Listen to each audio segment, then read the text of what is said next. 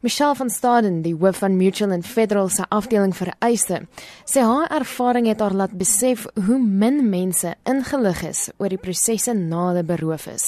Having gone through the experience of having my handbag stolen in a smash and grab, which was a really traumatic experience for me personally, I realized that even though I was working in the insurance industry as the head of claims, that there was so much that I didn't actually know that I realized how important it was to actually share with, with women in South Africa because it's, it's a really severe impact when something like this happens. Sy sê die belangrikste ding om te doen is om dadelik by 'n veilige plek uit te kom. Be it a police station or a petrol station that's well lit if it's nighttime and where there are other people around you, you know, so that you can be in a place of safety. I, I probably wouldn't advise, you know, pulling over on the side of a road where you've just had a smash and grab because you're vulnerable in that place. Van hier af kan jy die polisie kontak om die saak te begin prosesseer. Dit is belangrik om die volgende dag, wanneer jy kalm is, met jou versekeringsmaatskappy in aanraking te kom.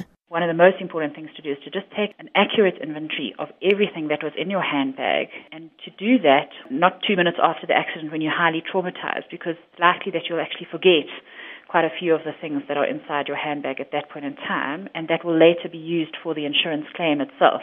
Wat veral belangrik is is om seker te maak dat jy die waarde van die items wat jy lys insluit sodat jou besittings ooreenkomstig vervang kan word.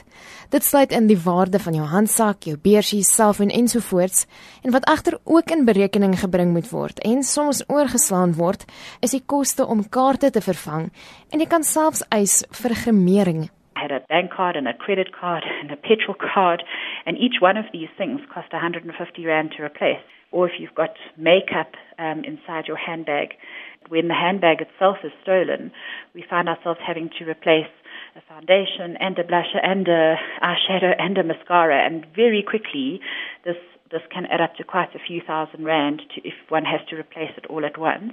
Verder moet jy seker maak dat jou elektroniese toestelle soos selfoon of tablette se besonderhede korrek is en dat dit verseker is. Stukkende vensters word ook oor die algemeen blitsvinnig reggemaak. Daar is selfs versekeringsopsies beskikbaar wat traumaberading insluit. Dit is nie noodwendig oral dieselfde nie, maar maak seker jy weet hoe jou versekeringsmaatskappy te werk gaan hiermee.